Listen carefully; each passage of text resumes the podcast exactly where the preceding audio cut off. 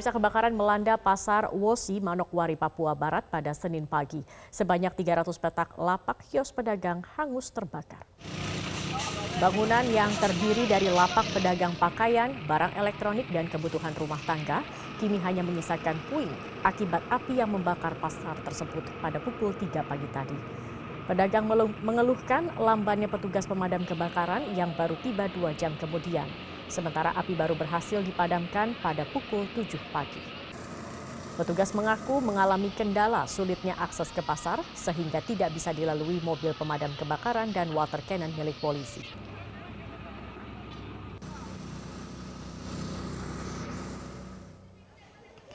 Sementara saat ini masih belum diketahui penyebab kebakaran karena terkendala suhu panas di lokasi kejadian. Sementara sejumlah pedagang masih berupaya mengais puing sisa kebakaran. Sebuah mobil minibus milik pemudik tujuan Purwokerto, Jawa Tengah terbakar di ruas simpang susun Cikunir Tol Jakarta Cikampek, Bekasi, Jawa Barat. Beruntung mobil tengah berhenti dan berada di pos pengamanan mudik sehingga dengan cepat diatasi petugas. Mobil minibus ini tiba-tiba mengeluarkan api dari bagian kap mesin mobil saat di kilometer 10 Simpang Susun Cikunir Ruas Tol Jakarta Cikampek.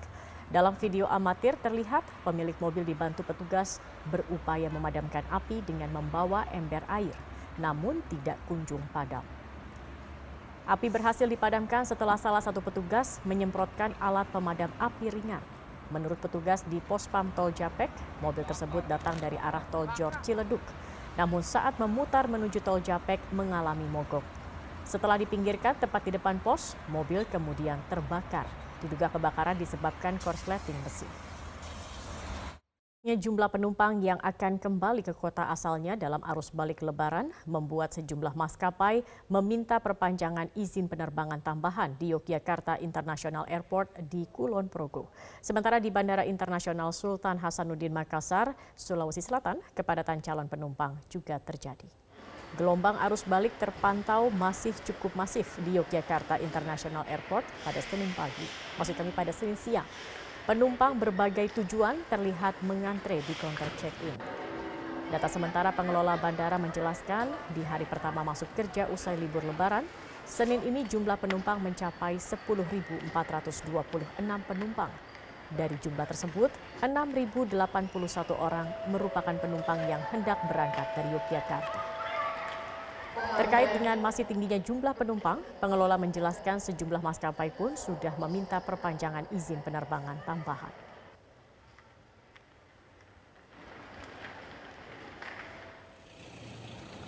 Ribuan calon penumpang dari berbagai daerah juga masih terus memadati Bandara Internasional Sultan Hasanuddin Makassar di Kabupaten Maros, Sulawesi Selatan yang didominasi tujuan Jakarta, Surabaya, dan Kendari.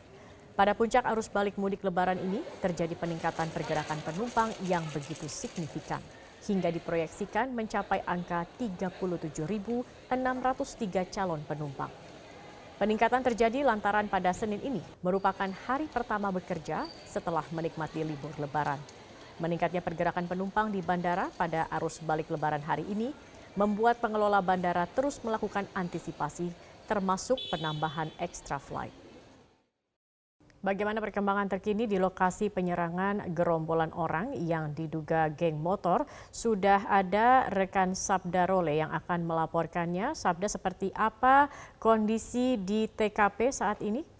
Ya, Zakia dan juga pemirsa, kalau ditanya terkait dengan kondisi terkini di tempat kejadian uh, aksi penyerangan yang dilakukan oleh uh, sekelompok yang diduga adalah geng motor di Kota Makassar seperti yang terlihat di belakang saya memang situasinya cukup uh, kondusif. Saya bisa gambarkan Zakia dan juga pemirsa di ujung lorong uh, 5 di Jalan Adiaksa Kelurahan Pandang Kecamatan Panakukang ini adalah TKP di mana uh, sekelompok yang diduga geng motor ini pertama kali menyerang uh, warga uh, kelurahan Pandang, Kecamatan Panakukang ini.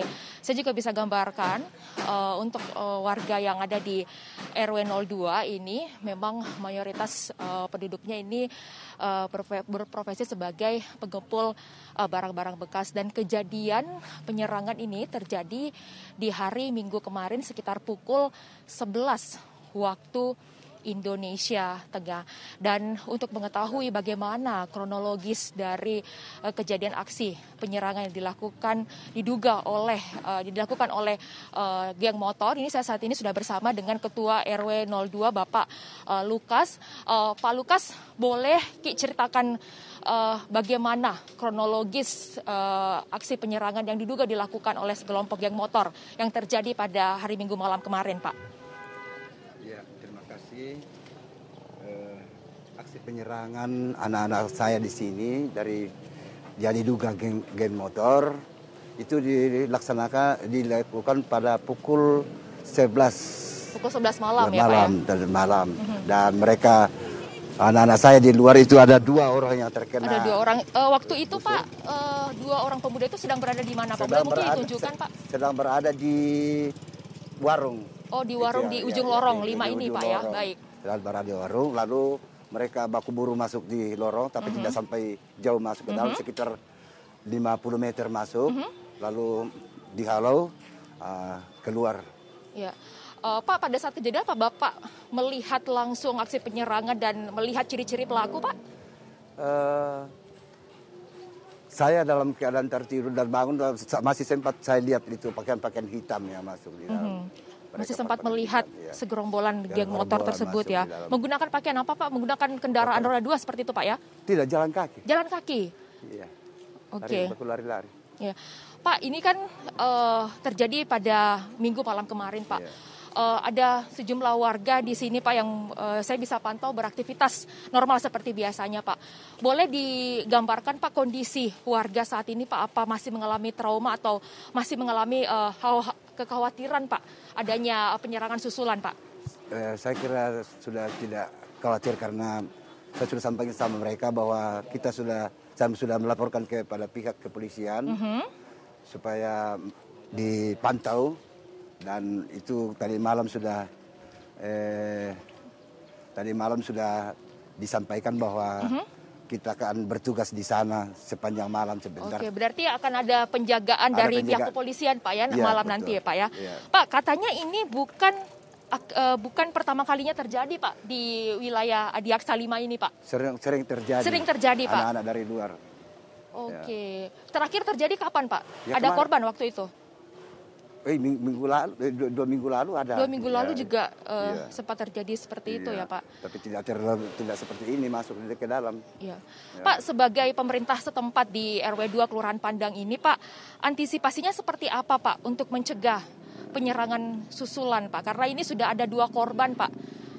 Ya itulah. Tadi saya katakan bahwa eh, saya sudah sampaikan kepada pihak kepolisian mm -hmm pihak yang berwajib supaya dipantau-pantau. Mhm. -huh. Sementara juga anak-anak di sini saya himbau supaya mereka juga jangan uh, bergerombol keluar untuk memancing mereka mhm. -huh. dari luar.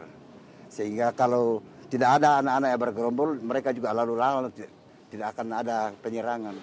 Baik. Begitu. Uh, Pak, tadi kita sempat menjenguk salah satu korban dari aksi penyerangan. Pak, boleh digambarkan sedikit Pak kondisi dua korban yang luka seperti apa, Pak? Tidak terlalu anu, lukanya tidak terlalu parah deh. Lukanya tidak, tidak begitu parah, parah, Pak ya. Karena dia di sekitar sikunya tadi tidak ada masuk ke mhm. dalam. Mm -hmm. Dan saya sudah sampaikan ke, supaya dilapor tapi mereka tidak mau melapor. Oke, dua korban ini tidak melapor yeah, begitu yeah. ke pihak kepolisian. Yeah. Pak, ini kan mereka menyerangnya berjalan kaki kemudian membawa senjata tajam, membawa batu seperti itu Pak. Uh, dari pantauan Bapak juga sebagai pemerintah di sini ada uh, barang bukti Pak yang tertinggal tidak di sekitar lokasi Pak? Eh, tidak, tidak ada barang bukti. Tidak ada Pak ya? Iya. Tidak ada Kecuali batu-batu yang berserakan di jalanan. Okay. Uh, ada yang kalau yang barang-barang bukti mereka pakai menyerang tidak ada. Oke. Baik, Terima kasih Ketua RW 2 Kelurahan Pandang. Pandang Kecamatan Panakukang Kota Makassar itu dia tadi uh, kesaksian dari Ketua RW 02 yang uh, juga sempat melihat aksi penyerangan yang terjadi pada hari Minggu uh, kemarin. Dan untuk uh, pela, uh, untuk uh, korban ini ada dua pemuda yang mengalami luka berat yakni Reski yang berusia 24 tahun yang menderita luka robek pada lengan kiri dan luka sobek di bagian kepala karena terkena busur panah dan juga batu. Sementara untuk satu korban lainnya ini yakni Justriadi, ini berusia 28 tahun menderita luka robek di bagian tangan karena terkena panah dan luka di kepala akibat lemparan batu. Kedua korban ini saat ini tengah beristirahat di rumahnya dan e, memang menurut informasi juga yang kami peroleh dari pihak Polsek Panakukang, ini e, kedua korban ini tidak e, melapor ke pihak kepolisian dan e, pihak kepolisian memang belum bisa memproses uh, uh, peristiwa aksi penyerangan ini. Untuk sementara demikian Zakia saya kembalikan ke studio. Sabdarole, jadi apa sebenarnya motif dari uh, geng motor ini menyerang warga? Apakah ada dendam terhadap warga sekitar begitu? Dan ini juga kami ingin kembali mengonfirmasi artinya polisi tidak akan memproses kasus ini jika tidak ada laporan dari warga. Ini apakah memang tidak ada laporan atau tadi seperti yang dikatakan uh, oleh uh, narasumber yang mengatakan sebenarnya sudah memberikan laporan maka akan ada penjagaan. Apakah ini tidak bisa menjadi uh, awal untuk sebagai polisi menyelidiki kasus ini? Ya, untuk motif Zakia sekali lagi tadi saya sempat uh, mengkonfirmasi langsung kepada Kapolsek uh, Panakukang uh, Panakukang untuk mengetahui sebenarnya apa motifnya, apakah ada uh, dendam atau seperti apa. Namun ini memang uh, Kapolsek Panakukang ini mengatakan belum bisa memberikan keterangan dan belum bisa melanjutkan uh, penyelidikan karena kedua korban ini uh, tidak melakukan atau tidak mendatangi kantor polisi untuk uh, melakukan BAP atau pelaporan seperti itu Zakia.